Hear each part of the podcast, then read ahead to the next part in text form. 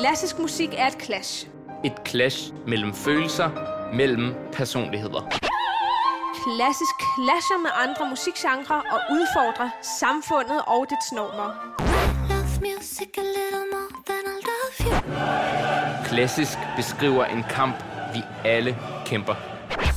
Dine værter, Christine Bernsted, Og Rammes Mahana udfordrer hinandens og dine forestillinger om klassisk i programmet Clash. Clash.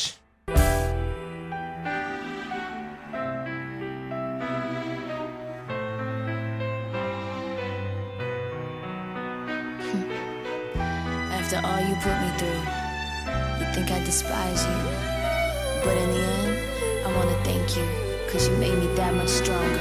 Well, I thought I knew you, thinking that you were true. Guess I, I couldn't trust, caught your bluff, taught me so, cause I've had enough. You were there by my side, always down for the ride. But your, your ride just came down in flames, cause your greed sold me out of shame. Mhm. Now the roll of the I dag skal vi tale om kampen i det indre, fordi det handler nemlig om klasset mellem de følelser, der kan udspille sig før og under en koncert, når man performer som klassisk musiker. Øh, dagens tema er øh, nemlig lige præsenteret af Christine, og vi har øh, en gæst med i studiet, Gustav Pikut, som skal spille en ret stor koncert her næste uge øh, i Den Sorte Diamant. Så det er simpelthen hovedtemaet i dag, øh, hvor vi taler om, hvordan det er at øh, komme ud af den her coronaperiode og øh, simpelthen komme på scenen igen. Det, Fordi det er, jo, det er jo længe siden mm. efterhånden, at man har fået lov til at spille for et rigtigt live-publikum. Og Mhm. det er noget, som vi virkelig kan relatere til. Det her med, at man øh, ligesom ikke har fået lov til at øh, udfordre sig selv på den måde, som man kender det bedst. Og desuden har vi en masse andre spændende ting på programmet. Vi har en surprise, som du har taget med, Christine. Noget Ja. øh, musik, som hverken mig eller Gustav kender til, som Ja. vi øh, får bryde isen. Øh, desuden har vi en øh, debat om et... Øh, øh, det, det er en kendt pianist, som har udtalt, at simpelthen publikum er blevet rigtig dvaske her det er på det lidt sidste. øh, kontroversiel udtalelse, så det skal Så- vi lige debattere lidt indbyrdes. Men øh, velkommen til Clash. Det er som altid øh, pianisten Rames Mahana og violinisten Christine Bernsted, der guider dig igennem den klassiske musik i studiet. Og i baggrunden har vi Fighter af Christina Aguilera, fordi vi skal rigtig ind i den indre kamp her i dag. Makes me a little bit harder. Makes me much wiser. Fighter. Me learn a little bit my skin a little bit thicker. Makes me fighter.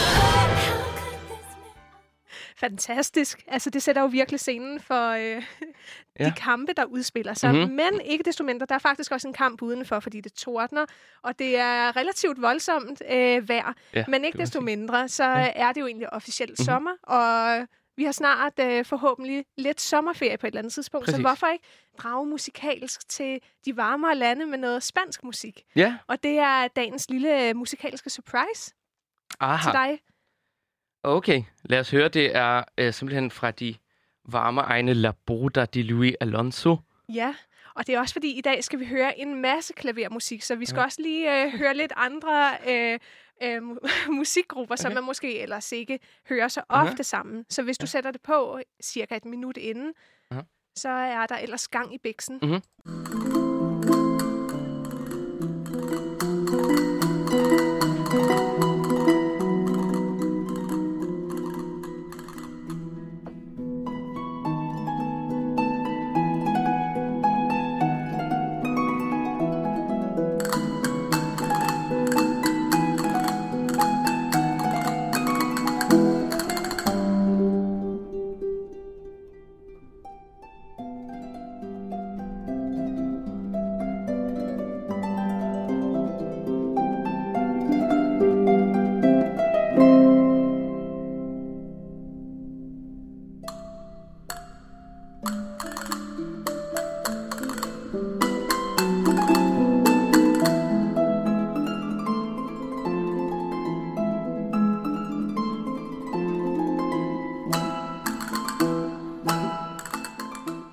At tage til Spanien. Ja, virkelig, ikke? Aha. Det, men det er, Ja. øh, det er harpe, og så er det Mhm. mm-hmm. kastanjetter, som man hører. Mhm. Mm-hmm. Virkelig ikke en særlig øh, typisk kombination Nej.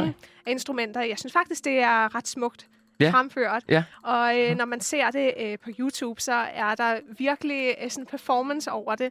Sådan en rigtig okay. sydlandsk kvinde, der bare giver Aha, den aha, max aha. gas. Er det virkelig sådan behageligt at starte programmet med? Ja, Øh, sådan man, man kommer lige sådan ind i en varm atmosfære. varm øh, atmosfære og aura. Men øh, Ja, hvad synes du, Gustav? Vi skal nok præsentere dig lige om et øjeblik. Øh, Jo, men øh, altså... Jeg, jeg kan meget godt lide spansk musik, faktisk, og selv også begyndt at spille lidt. Øhm, altså, det her, det er jo sådan lidt til den lettere side. ja, Men øh, ja, altså... Det giver en lyst til at tage sydpå, specielt når man sidder her og kigger ud i tordenvejret igennem jeres lille vindue her Særlig, ude øh, til gaden, Ja. ude på en grå Ja. ja. væg. Lad os håbe, de øhm, rejserestriktioner snart... Øh, det må vi virkelig håbe, ja.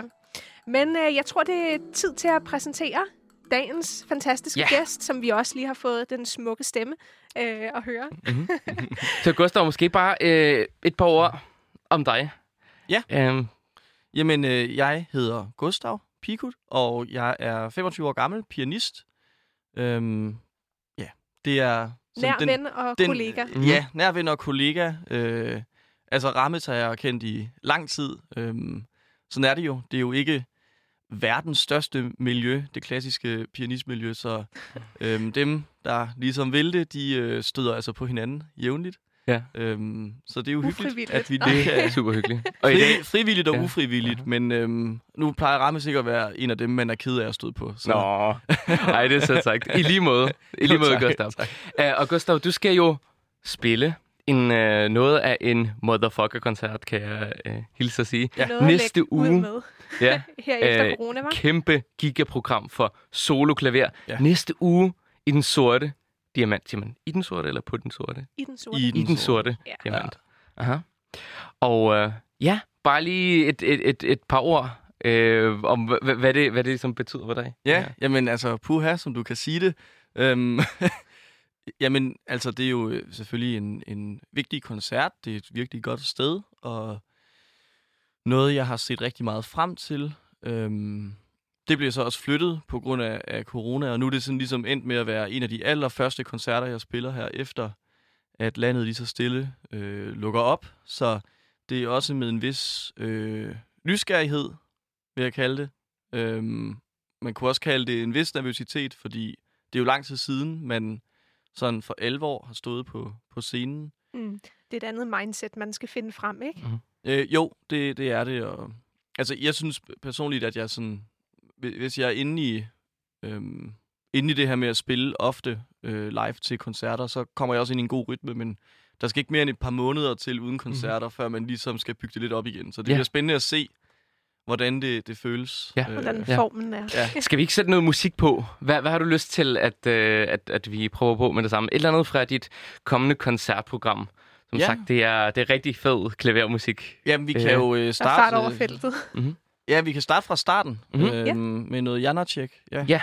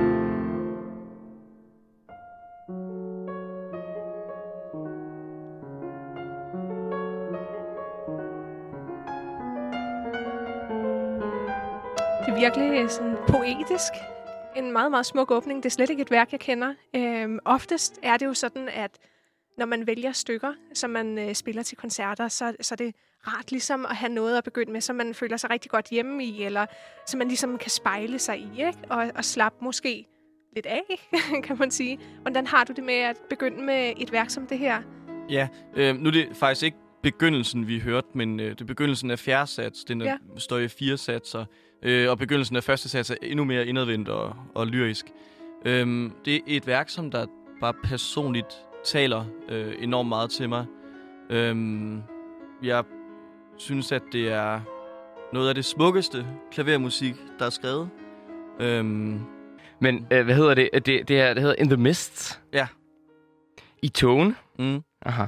Øhm, det, jeg tror, den her titel kommer af, øhm, altså dels det, det udtryksmæssige, at man har sådan en følelse af, at musikken svæver, der er noget meget uklart øh, ved det. Der er melodier, som der starter, og så bliver øh, nedbrudt eller stoppet lige pludselig. Så er der også noget med, at, at øh, alle stykkerne har enormt mange fortegn, altså enormt mange krydser og B'er. Nej. øhm, så øhm, der er også noget med sådan nogle lidt togede, uklare tonearter. Øhm, og ja, altså det er et værk, som der på en måde, ligesom meget af Janaceks musik, er sådan ret depressivt. Mhm. Mm-hmm. Øh, og ideen med koncerten er lidt at starte nede i noget meget mørkt, og så sådan bevæge sig mod det lyser lyset, øh, ja. i løbet af, af programmet. Ja. Og så er det bare noget, som jeg har øh, også spillet ret meget efterhånden, og ja, derfor også øh, føler mig sådan nogenlunde tryg ved at, at gå At på scenen ud. øh, som det første. Altså, som, som du også siger, øh, Christine, jeg kan altid godt lide at starte mine koncerter med noget sådan ret lyrisk, langsomt ja. indadvendt, for ligesom at få lidt fat i instrumentet, og sådan lige, Præcis, så, ja. lige så stille spille sig varm Ja. på en måde. Ja. Og så have noget, som man føler sig rigtig hjemme i, ikke? Og, Jo. og sådan, øh, man har under huden på en eller anden måde, ja som lige taler præcis. direkte til en. Lad os lidt til slutningen her.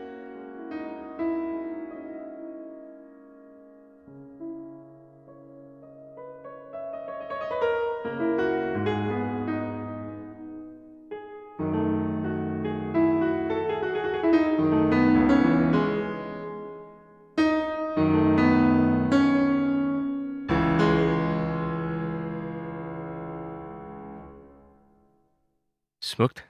Virkelig smukt, meget sådan øh, mystisk og poetisk mhm, og mhm. flotte harmonier. Virkelig, der er en smuk ro i det. Men du siger, at der er nogle helt andre nerver på nu, hvor, hvor det har været en lang periode med, med nedlukning og uden koncerter. Kan du el- elaborere lidt på det?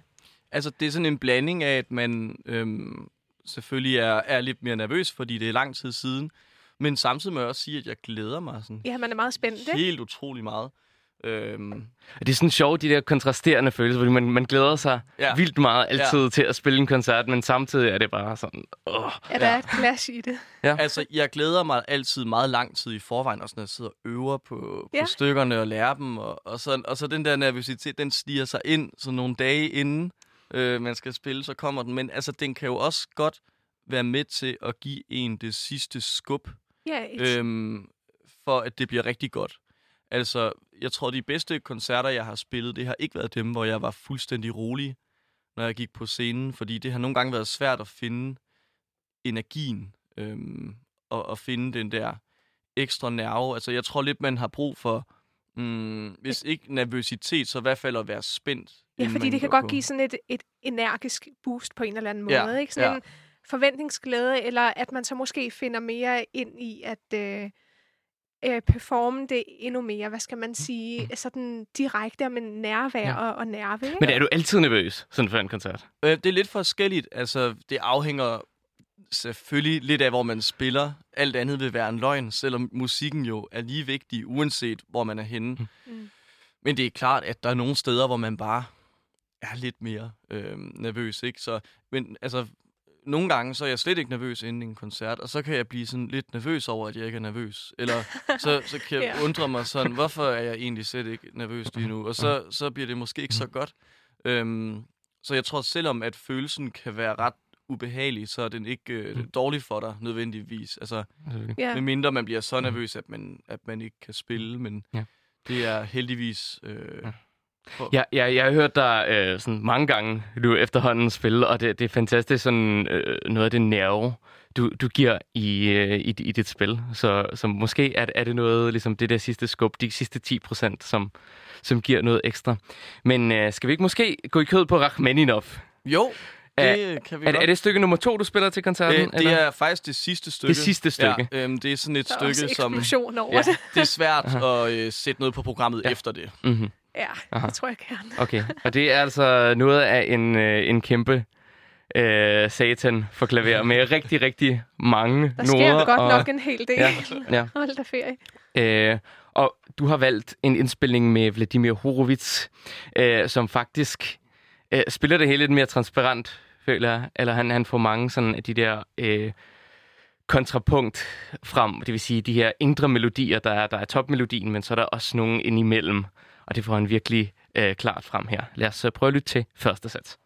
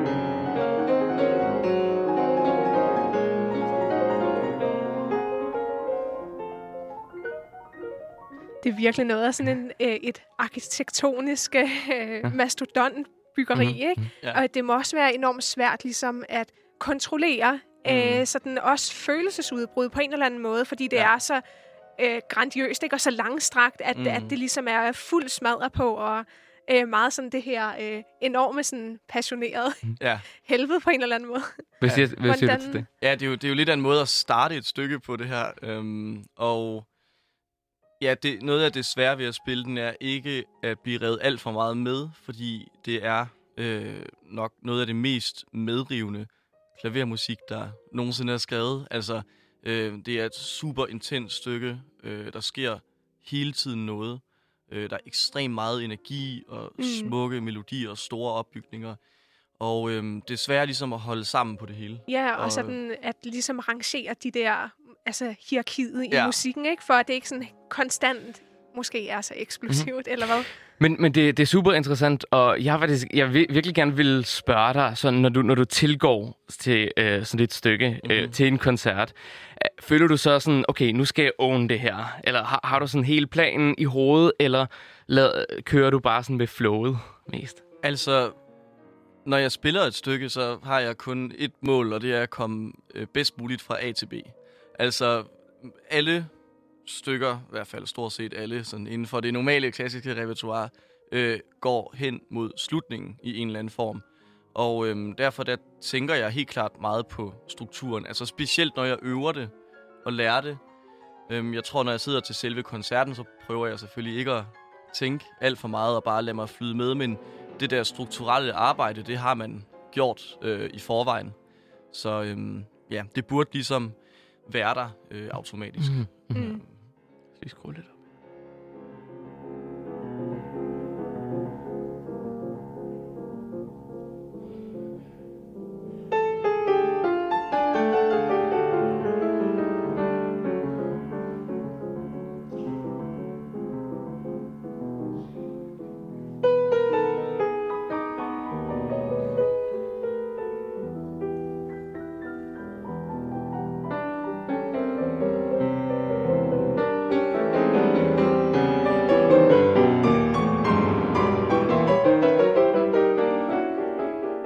Er også noget af en børste, ligesom at slutte af med. Ja. Hvordan, øh, når du ved, at, at det her det kommer til slut, og du allerede har haft øh, noget på programmet, som i den grad jo også er udtømmende i sin egen ret, hvordan bevarer du ligesom fokus og overblikket over det her enormt langstrakte forløb, som en koncert trods alt er? Ja, det ved jeg ikke. Nej. altså, det sker forhåbentlig. Øh, det er igen den her ekstra energi, man får, Ja. når man går på scenen, ikke? Øhm, og hvis man bare bliver ved med at lytte til det, man gør, altså man kan jo lytte utrolig lang tid. Mm. Øhm, og hvis man ikke tænker så meget på det fysiske, og på, åh oh, nej, hvad sker der i den næste takt og sådan noget. Hvis man bare prøver at kan sidde og øhm, netop lade sig flyde lidt med, og lytte meget bevidst til, hvordan klinger alting, jeg laver, øh, så er der egentlig nærmest ikke nogen grænse for, hvor lang tid man kan spille, synes jeg. Men det kræver lige, Mhm. at man finder det. Det er ikke helt nemt. Mhm. Øh, og der er også koncerter, hvor, ja, hvor man aldrig finder det, og det hele er sådan lidt, øh, godt kan blive Mhm. meget trættende. Mhm. Øhm, Ja, eller sådan okay. ud af ind hele tiden. Øh. Ja, og det afhænger også meget af, af de ydre omstændigheder. Altså, hvis instrumentet er dårligt, for eksempel, så føles det bare som arbejde, ikke? Altså, Ja. så, så kan det virkelig føles som øh, lidt, at man er på jobbet. Man prøver at finde noget, noget inspirerende, men, men hvis man kommer ud, og der bare står et elendigt flyl, for eksempel, mm. så er det virkelig svært. Mhm. Altså, så, så Ja, kan man mærke, at man er drænet bagefter for energi. Men hvis man er et sted, hvor publikum er super lydhør, og instrumentet ja. er super godt, så altså, har jeg nogle gange så meget energi efter koncerten, at jeg slet ikke kan falde ned i flere timer. Okay, Øh, og det er, Ja. jo, det er jo det, man helst vil. Ja. Ja. Øh, så har det været godt. selvfølgelig. Jeg, jeg tror virkelig, du kan glæde dig. Jeg har også selv spillet på Diamanten, og det, det er et skønt flyl og en dejlig sal øh, med, med en god akustik. Og jeg, jeg synes i hvert fald, at man, man får en masse tilbage. Det håber jeg også, du synes. Øh, du lytter til Clash, kære lytter. Det er programmet for klassisk musik, og i dag clasher vi de indre kampe, når man skal på en scene. Vi har den fantastiske Gustav Pikut med i studiet til at tale om det her. Ja, Og øh, måske kan du også lige sætte lidt ord på, altså det er jo meget forskelligt, øh, det repertoire, man har med til en koncert, om man har spillet noget i længere tid før, eller i, i kortere tid. Og hvis man nu har, hvis der er et, af de her værker, du har haft med på din repertoireliste rigtig lang tid, hvordan øh, ja, øh, vedholder du, eller hvad siger man, øh, interessen og øh, ja, i sådan et forløb op til? Ja, altså, der er selvfølgelig... øh, der kan selvfølgelig være for kort tid, ikke? Altså, hvis man kun har en måned eller noget til at lære noget, så kan det være ret uhyggeligt.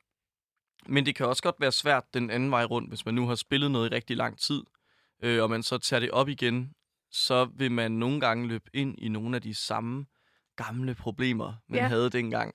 Øh, og nu for eksempel, jeg skal spille en Beethoven-sonate, øh, som jeg har spillet ret meget, og som jeg også spillede for en del år siden, altså for måske seks år siden. Jeg Øh, tror, eller jeg husker dig at spille siden, den, ja. øh, sådan, da, da vi var teenager. Jeg, jeg, jeg tror fra ni, for ni år siden, eller, eller, Mhm. eller sådan noget. Øhm, og jeg kan bare mærke, at ja, nu spiller jeg det igen, og det er mange af de samme ting, øh, Ja. som der kommer tilbage. Og, og nu har jeg sat det værk på programmet, fordi jeg elsker det rigtig meget, og jeg Mm. synes, det er en af Beethovens allerbedste sonater, hvilket jeg så ikke siger så lidt, fordi han har jo skrevet 32, og de er alle sammen rigtig gode. Ikke? Øhm, men det her er virkelig en af de allerbedste, og jeg vil meget gerne spille den, når jeg føler meget øh, stærk forbindelse til det værk, men det er faktisk det, som jeg næsten synes er sværest af alt det, der er på programmet. Fordi Ja. ja. jeg har spillet det før, fordi jeg kan mærke nogle af de gamle vaner, der, der stiger sig ind. Ikke? Så jeg tror, det handler meget om, at man igen virkelig prøver at lytte til værket, som om det var første gang. Mm. Fordi når man har det, altså man har det jo inde i hovedet, ikke? Øhm, jeg kunne spille det hele igennem inde i mit hoved, hvis jeg ville, og man vender sig til rigtig mange ting. Ja. Man vender Altså- sig til mange øh, overraskende harmonier og, og drejninger i musikken, øhm, og dem skal man ligesom genopdage. Og Præcis. det er en svær At- proces. Ja, er der noget ved processen, som du så øh, ændrer på, for ligesom at finde den her gnist, eller måske anskue det på en ny måde?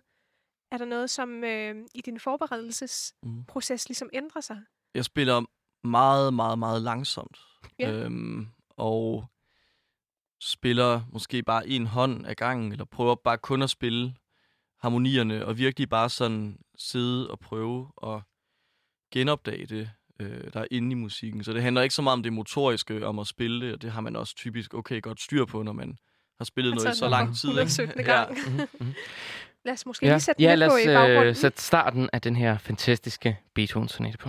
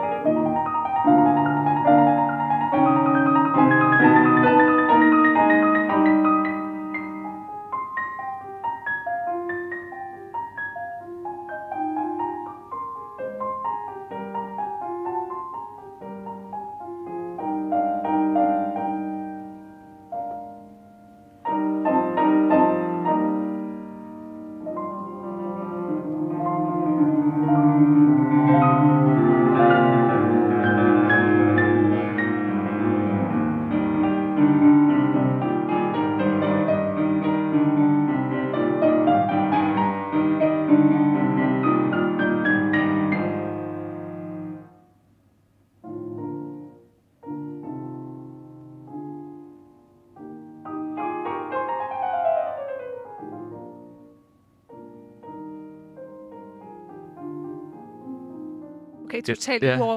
uovertruffen. Jeg helt, helt, elsker helt det. fantastisk. Jeg sad Altså- og lyttede til den her lidt skrættende indspilning, Ja. øh, gamle indspilning af Arthur Schnabel i går, og ja, altså man bliver bare ikke træt Ej, af, af, det, af det her musik. Ej, det, det er virkelig... Virkelig Men, men okay, re- ret mig, hvis jeg tager fejl, men jeg føler sådan nogle, især som de sene Beethoven-sonater, altså de Mm. øh, værker, som Beethoven skrev sent i sit liv, det er noget, man virkelig vokser med gennem tiden, men i forskellige aldre finder, øh, finder man noget nyt i den her musik hele tiden. Mhm. Er du enig med mig, Anna? Ja, delvis. Øhm, altså, der er jo meget sådan øh, den her øh, idé omkring sen Beethoven, at det er noget, man også skal spille sent, og man skal være meget voksen for, oh, ja. for at forstå. Og det, det er jeg er delvis enig med, men samtidig er der også i sen Beethoven nogle meget sådan stærke, umiddelbare følelser, øh, som der faktisk kan være ret nemme at relatere til, når man er ung. Øhm, og derfor er, er der faktisk rigtig mange unge pianister, synes jeg, som der spiller sen Beethoven øh, fremragende. Jeg synes, ting som tidlig Beethoven, øh, som der er meget mere vinerklassisk, meget mere objektiv, øh, meget mere matematisk i formen, Mm. på en måde faktisk kan være sværere at spille, fordi Ja. man ikke kan involvere sig øh, lige så meget følelsesmæssigt. Nej, præcis, fordi der er sådan måske lidt restriktioner på, fordi rammerne er så øh, fastlagte, ikke? Jo, man kan sætte et meget personligt præg øh, på de her sene Beethoven-værker. Faktisk kræver de af en, at man virkelig sætter sit eget præg på det. Ja. Du er nødt til at involvere dig personligt i al Beethovens musik, men mm. særligt i den sene musik. Øhm, det er den slags musik, der virkelig kræver musikeren i dig også. Hvor andre øhm, komponister, som for eksempel Mozart og Bach, der er musikken øh, i sig selv meget, meget perfekt. Og øh, fortolkerens opgave, øh, synes jeg, er bare at komme tættest muligt på at, at ligesom vise den her perfektion i musikken. Og Beethovens musik, generelt Beethovens musik, men også særligt hans scenemusik, er øhm, mindst lige så fantastisk som Bach og Mozart, men den er meget uperfekt tit. Den er fyldt med øh, indre kamp og ting, der er ude af balance og ekstreme udbrud. Man kan også se det, øhm, hvis man kigger på Mozarts manuskripter, så er der næsten ikke nogen rettelser. Øh, alting er bare sådan helt flydende kommet ud af ham øh, som øh, ja, sådan en ustoppelig kilde af inspiration. Og når man ser på Beethovens manuskripter, er de nogle gange næsten ulæselige, fordi Mm, der er så til, mange men- rettelser og ting, der er streget ud, og Ja, øh, sider, der er revet ud, og, øhm, og jeg ved ikke hvad. Så, men det kræver ens kæmpe personlige øh, ja, engagement. præg og ja. engagement på Mm, virkelig at ligesom finde det udtømmende i det, ikke? Fantastisk. Ja, skøn Virkelig, musik. øh, ja, ja. Jeg kan desværre ikke komme med til koncerten der næste uge, fordi jeg, jeg er selv i Aarhus at spille, men øh, jeg håber virkelig at, øh, at høre dig snart igen. virkelig. Taget skal nok måde. lette. Ja, ja, okay. Helt dumt spørgsmål. Øh, men noget, jeg tror, alle musikere kan relatere til. Hvordan husker du alle de noder? Der er simpelthen så mange af dem. Øhm, ja, altså... Publikum spørger mig tit om det der efter en koncert, og så, så øh, plejer jeg at svare, det ved du da ikke, om jeg gør. Men øhm, altså, det, det er selvfølgelig... Altså, for det første kan man sige, at det meste af den musik, man spiller til sådan en koncert, er teknisk svær nok til, at øhm, det vil være næsten umuligt at læse noderne og spille det samtidig. Ja, fordi der foregår simpelthen for meget på en gang, ikke? Der foregår rigtig meget på én gang, og man, man skal... Øhm, Hjernen kan ligesom ikke nå at følge med, hvis man også skal sidde og... Nej, læser det nej det, det ligger i hænderne, så det, den del af det sker automatisk. Men, men der er selvfølgelig også et analytisk niveau, og nogle ting, der kan være svære at memorere. For eksempel her i Beethoven-sonaten har man i den sidste sats to fugaer, som der er meget frygtet af pianister, og hvor man altså også hører store pianister ryge ud af den, og de pludselig ikke vide, Ja. hvor de er henne. Og det er lidt, øh, det er selvfølgelig altid en frygt, der Mhm. ligger i baghovedet, Ja. om man nu glemmer noderne og kommer ud af den. Og jeg Præcis. tror, den findes specielt for øh, pianister, fordi vi har rigtig meget nodemateriale øhm, i forhold til mange andre instrumenter. Dermed ikke sagt, at det er nemt, nemt på andre instrumenter, men, øh, men vi har mange stemmer, rigtig meget, øh, der foregår. Så udenadslæren er sådan, øh, ja, lidt en udfordring Mhm, mm-hmm. for, øh, for alle. Fuga er jo et godt eksempel på det. Fuga er jo nemlig de her, hvor der er ligesom flere stemmer, der kører på en gang, Mhm. og så skal man ligesom som pianist øh, holde orden i øh, alle sammen og se, hvad, hvad sker der i hver enkelt stemme, hvad er det, der ligesom er ekspressivt. Ja, man skal Ja, være, ja. øh, ja, de kan have tre eller fire eller endda fem stemmer. Mm-hmm. Det er ligesom, man skal være tre, fire eller fem instrumenter Ja. ja. samtidig, ikke? Og man har så kun 10 fingre, så øh, det skal man øve sig meget på, ja. Til noget andet kompleksitet, jeg synes, vi skal sætte noget øh, skrabin på. Det er noget helt andet. Det er øh, lidt en nyere tid. Det er starten af det 20. århundrede. Øh, russisk komponist. Ja, Øh, noget og du har taget en hel del med af, faktisk. øh, faktisk Er det en del... noget, øh, en komponist, du føler dig sådan meget hjemme i, eller... Meget, Synes er spændende. Ja, ja meget spaced out, ikke? Jo, altså Skriabin var jo sådan en komponist, som der på relativt kort tid øh, oplevede en kæmpe stor udvikling. Hans, når man hører hans tidlige værker, lyder de lidt som Chopin, sådan meget romantiske og smukke. Og så i løbet af få år, så udvikler han helt sit eget system for, øh, for harmoni. Øhm, og det giver altså en helt sådan speciel, unik lyd. Øh, lige inden man lytter til det her, så kan det være lidt sjovt at sige, at den her øhm, sonate, 10. sonate, øh, er skrevet på øhm, samme tid stort set som Rachmaninoff-sonaten. Mm-hmm. Altså to helt forskellige verdener. Rachmaninoff er stadigvæk romantisk og højspændt, og det her Skriabin er... Ja, man kan bare prøve at Out høre Out det. there, out there. Ja, Det er Space. Odyssey, ja. Det Øh, taler lidt for sig selv. ja.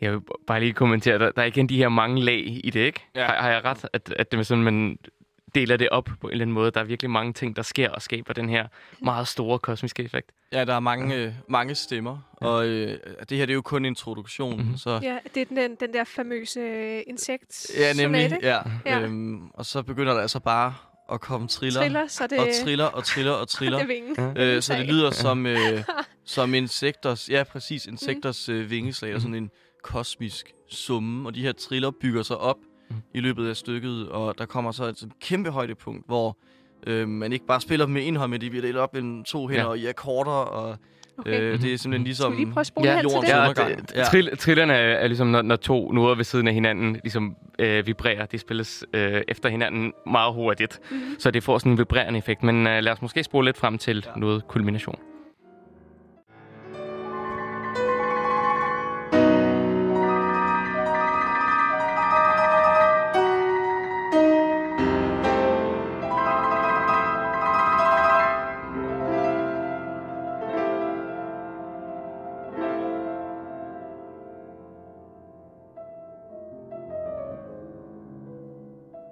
Sidder du så også og tænker på insekter, når du spiller det her? eller?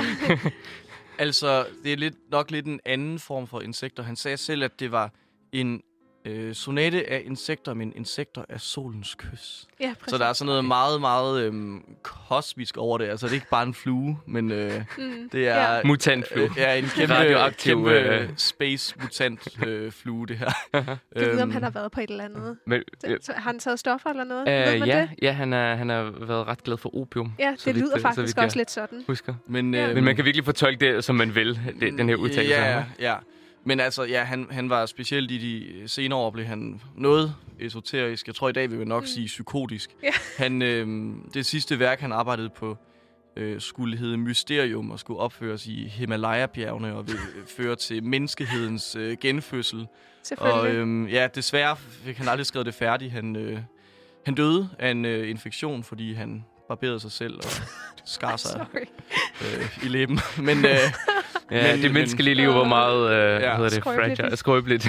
Mm. Men hans musik er, er fuldstændig fantastisk Mhm. og, og står sådan helt for sig selv Mm. i, øh, i Er det det musikhistorien. her unikke, du godt kan lide, eller er det sådan øh, evnen til at leve sig ind i noget, der er mere abstrakt, og hvor man måske mere kan forme Mm. øh, et forløb? Altså, jeg altså, synes, det er jeg synes måske sådan, ikke lige så dikteret, kan man sige. Nej, nej, altså det kræver en, en vis frihed at, øh, at spille det. Øhm, jeg synes, at det føles godt at svæve væk på de her harmonier, Ja. når man spiller det. Og så øhm, skriver Skriabin bare fantastisk godt for klaveret.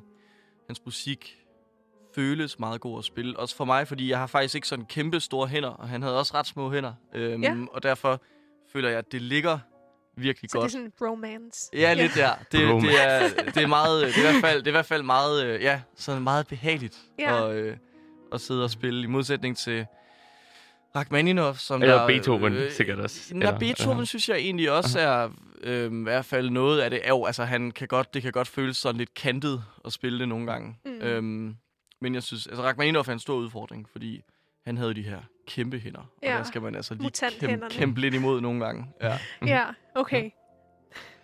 Yes. Meget spændende. Men øh, ja, skal vi måske lige have lidt råd med øh, til lytterne Ja. om, hvad, hvad du føler, før du går ind på en scene. Har du nogle fifs, eller ja, hvad ved jeg, et eller andet, som du vil give videre øh, i forhold til... Eller måske nogle traditioner, inden du går på scenen. Mm. Om, øh, Har du nogle jeg ja, ved ikke, du har- vaner? For eksempel, skal du spise et kilo bananer, eller øh, vaske hænder 10 eller, eller sekunder før? drikke 10, 10 Red Bulls. Ja, eller, til- nej, ikke, ikke, ikke Red Bulls, så begynder man at ryste. Øhm, nej, altså det bedste tip, man kan give, er bare at øve sig rigtig meget op til. Øhm, det kan man jo Mm. desværre ikke gøre sådan lige inden man skal ind og spille. Nej, så du sidder ikke og Men- hammer løs lige før? Ikke for meget, nej. Altså på selve koncertdagen øver jeg ikke alt for meget. Jeg skal, lige Okay, igennem, interessant. jeg skal helst lige igennem stykkerne, men ikke øve mere end et par timer. Inden. Okay. Ja. Mhm. Ja. Øhm, ellers så har jeg ikke nogen særlige ritualer. Sådan. Altså, det er godt lige at varme lidt op, og Ja. nogle gange kan jeg godt lide at børste tænder, inden jeg skal ind og spille. Jeg ved ikke hvorfor. Så føler Fordi jeg så mig meget sådan... Ja, klar. jeg føler mig meget frisk på en måde. Aha. Ja. Øh, men ellers så har jeg ikke... Øh, der er ikke nogen sådan særlige ritualer, jeg Så har. kan man altså smile sig fra det Ja, hele. bare prøve at, prøve at tage den med ro, og Ja. måske visualisere lidt, hvordan Mhm. det føles at, Mhm. at gå ind på scenen. Ja. Hvis jeg lige må dele en, en oplevelse, jeg selv havde med Beethovens fire klaverkoncert, som har den der start, hvor man bare ligesom øh, svæver ind i musikken på en eller anden måde. Øhm, og det, det starter jo bare med en akkord. Altså man spiller bare nogle toner samtidig, ganske stille og roligt, men ligesom at komme ind i den verden, det er noget af en udfordring. Øh, og nu, nu vil jeg høre, om, om du vil gøre det på samme måde, Gustav, eller ej, men, men jeg ligesom, jeg prøvede at mærke efter, at musikken, den, den, den fandtes allerede, den var, den var der, men det, så skulle den bare ligesom øh, manifestere sig i den her akkord. Ja, altså nu, nu taler du om Beethovens fjerklaverkoncert, Ja. ja. og den der akkord, det er jo den mest frygtede akkord øh, for alle pianister. Det er bare, øh, ja, grunden til, at jeg ikke har spillet den koncert endnu, er faktisk den akkord. Virkelig. øh, det, er, det er noget, som øh, mange af os er rigtig bange for. Men, øh, men jo, altså det er meget forskelligt fra stykke til stykke, hvordan jeg gør. Men typisk, hvis noget starter meget sådan, ja, meget inderligt og, og lyrisk, så, øhm, så kan jeg godt lide at prøve at ja, finde følelsen inden, øhm, og virkelig nærmest prøve at lytte til musikken, inden den er der. Hvad andre stykker, øh, hvis de starter meget eksplosivt, eller, øhm, ja, eller hvis det er noget, som der er sådan noget, man godt kunne sidde og blive nervøs for at spille inden, øh, så kan jeg godt lide bare at starte med det samme, uden at tænke. Øhm, for eksempel, jeg, nu har jeg spillet øh, et værk af Beethoven, de her billige versioner rigtig meget. Det er sådan et værk, der det er måske det længste klaverværk i standardrepertoireet, var en time. Øhm, og det kan godt føles lidt som om, man står foran Mount Everest, inden man skal spille det.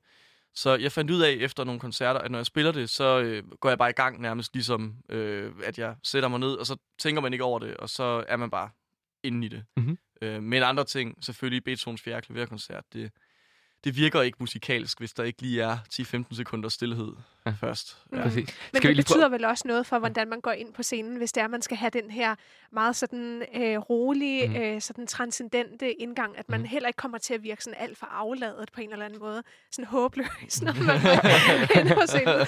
Oh. Lad os måske lytte til, starten af den her famøse fire klaverkoncert. Ja. Ja,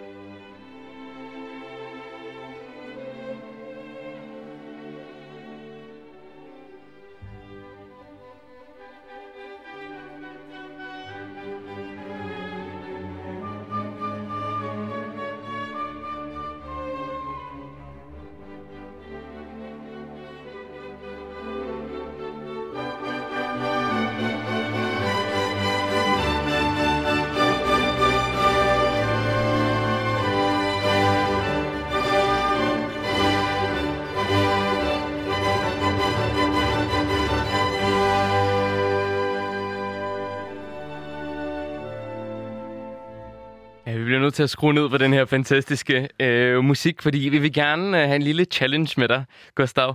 Spændende. Ja, ja, Ja, og, vi har, et vi har, lille sjovt uh, indspark her. Mhm.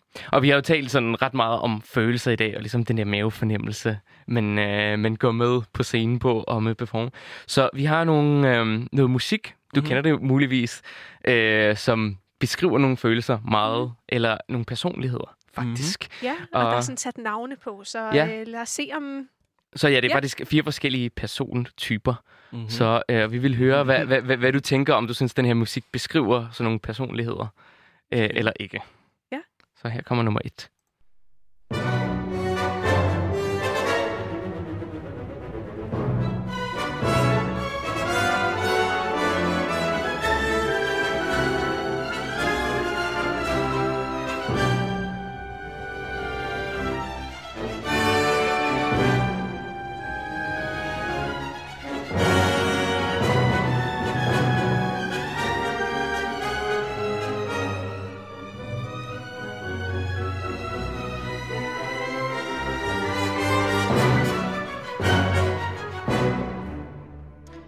Ja, hvad det er siger du, fra Gustav? Nielsens fantastiske fire temperamenter. Øh, symfoni nummer to.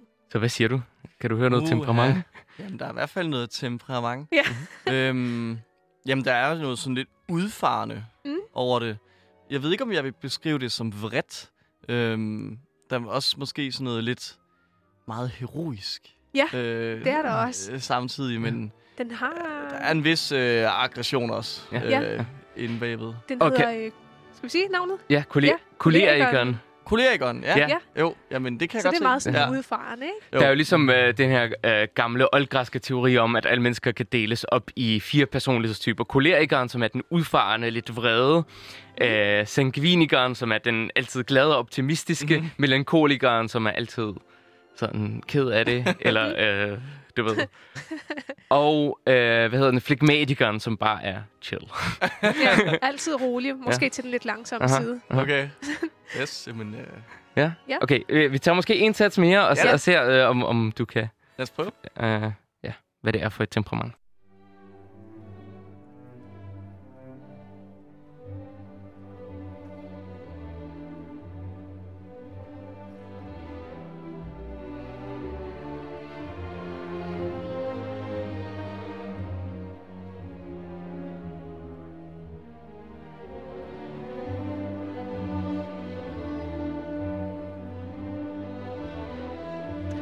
Lidt øh, dansende elefanter over det. En elefant. Ja. Altså, det, jo, jeg vil nok øh, gætte på, at det var flegmatikeren. Ja, det går det virkelig stille for sig ja, og det er meget roligt. sådan... Hvorfor tage tingene så, Ja, ja. så hurtigt og tungt? præcis. Ja. Ja. Jamen, der, er- der er noget meget... Ja, bare sådan, Sådan. det er fint nok. Ja, det er fint nok. Det er sgu okay alle sammen. En joint jeg er fra Fyn. Eller, nu kan jeg ikke lave en fynsk accent. Det var meget godt. Ja, okay, okay. Og hvad, hvad, har du en personlighedstype, synes du, uh, Gustav? Eller, eller lidt af hver? Det er jo sådan en forældet gammel psykologisk jo, jo, teori. Men, øh, men der er jo de der så lidt arketyper-agtige. Altså, øh, jeg kan godt være ret kolerisk, tror jeg. Øhm, ja, der kan Hmm. godt være lidt øh, frem, frem og tilbage, op og ned. Og, øh, ja. Men du kan også godt lide det der øh, udfarende eller sådan eksplosive Jo, udtryk, jo, ikke? jo, meget. Det har jeg brug for. Ja. er en ventil.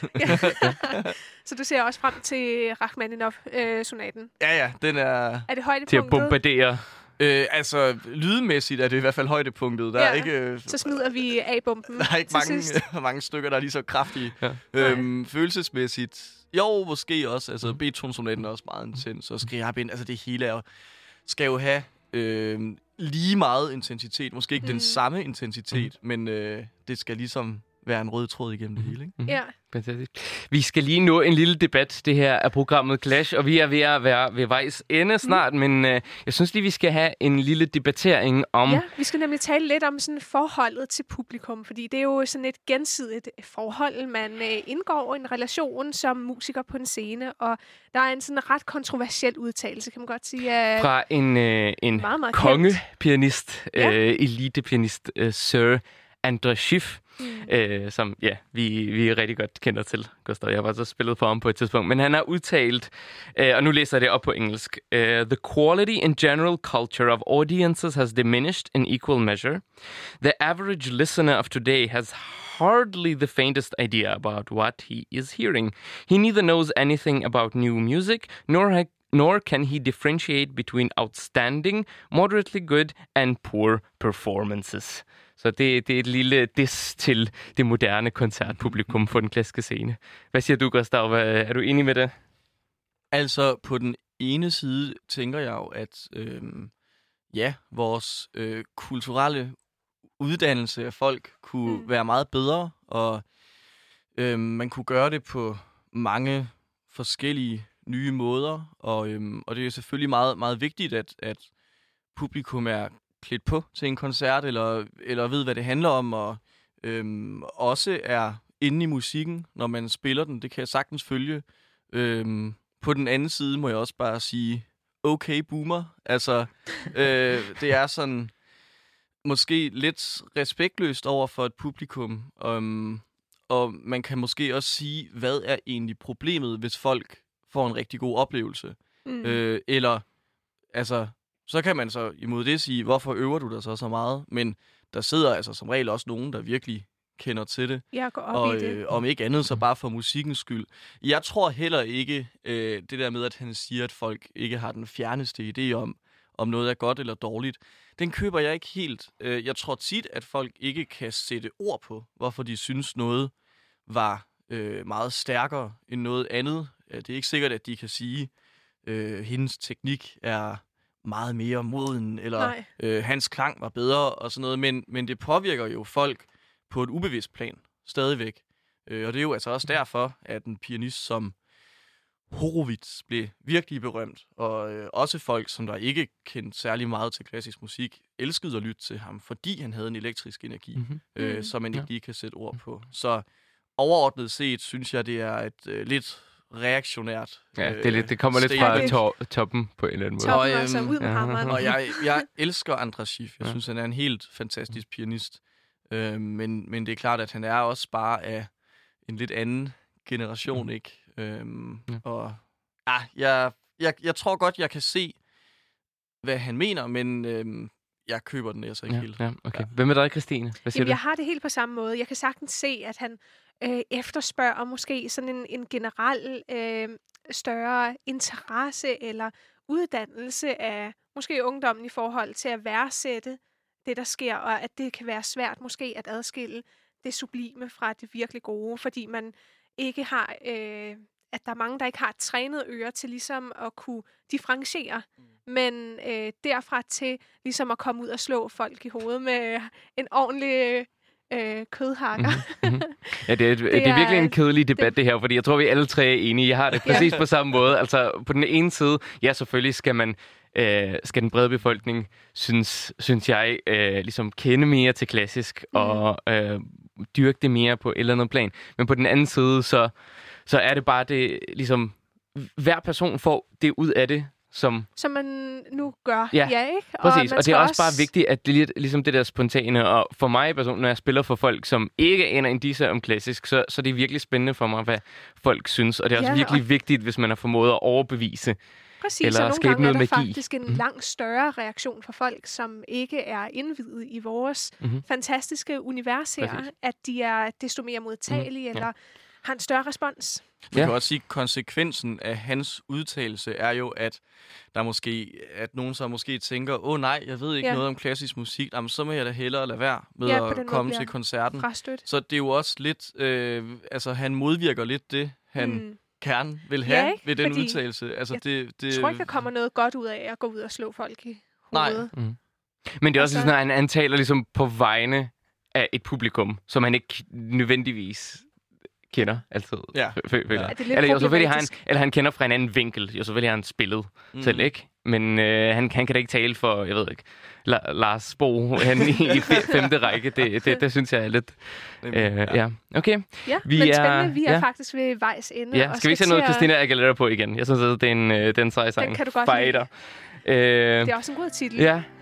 Det er noget, Gustav. vi kan leve os ind i. Ja, tusind tak for, øh, for det her dejlige interview. Vi øh, øh, og håber, du virkelig kommer ind i en god fighting spirit, eller øh, i hvert fald kommer øh, ud og, og, og nyder den her musik næste uge. Det er den 18. klokken 20. Jeg ved ikke, om der er flere billetter tilbage. Øh, Okay, det, jo. det ved jeg heller ikke. Men, Bliver øh, det livestreamet, eller? Ja, det tror jeg faktisk, det gør. Ah, så er der Øhm, god mulighed. god Mhm. mulighed. Men kom nu ind og hør det i virkeligheden, fordi livestream er jo bare ikke det samme. Ja, det, er, det kan, må man virkelig konstatere efter et år med ja, livestreaminger. det, det er det. Ja. Yes. Jamen, Ja. ja. Øh, ja, tak fordi jeg måtte Mhm. mm-hmm. øh, Ja, komme forbi. Det har været en fornøjelse, og det har været super spændende at dykke ned i det her klas, der kan være mellem de indre følelser, som de nu engang udspiller sig i os, som øh, spiller Ja, på en når scene. vi, skal, når vi skal ud og performe. Ja. Uh, husk, du kan følge os på Instagram, clash.classical. Classical. Og så synes vi også, at du, kan lytter, skal dykke lidt mere ned i al den fantastiske musik, vi har haft med i dag. Og du kan finde vores Spotify-playlist. Den hedder Clash nummer 46. Kampen, Kampen i det indre. indre. Ja, og så Uh, og så har vi vores famøse sidste sætning Ja. uh, her til sidst til at runde programmet af med. Skal vi sige det, Christine? yes, det er Keep it cool, keep it classic.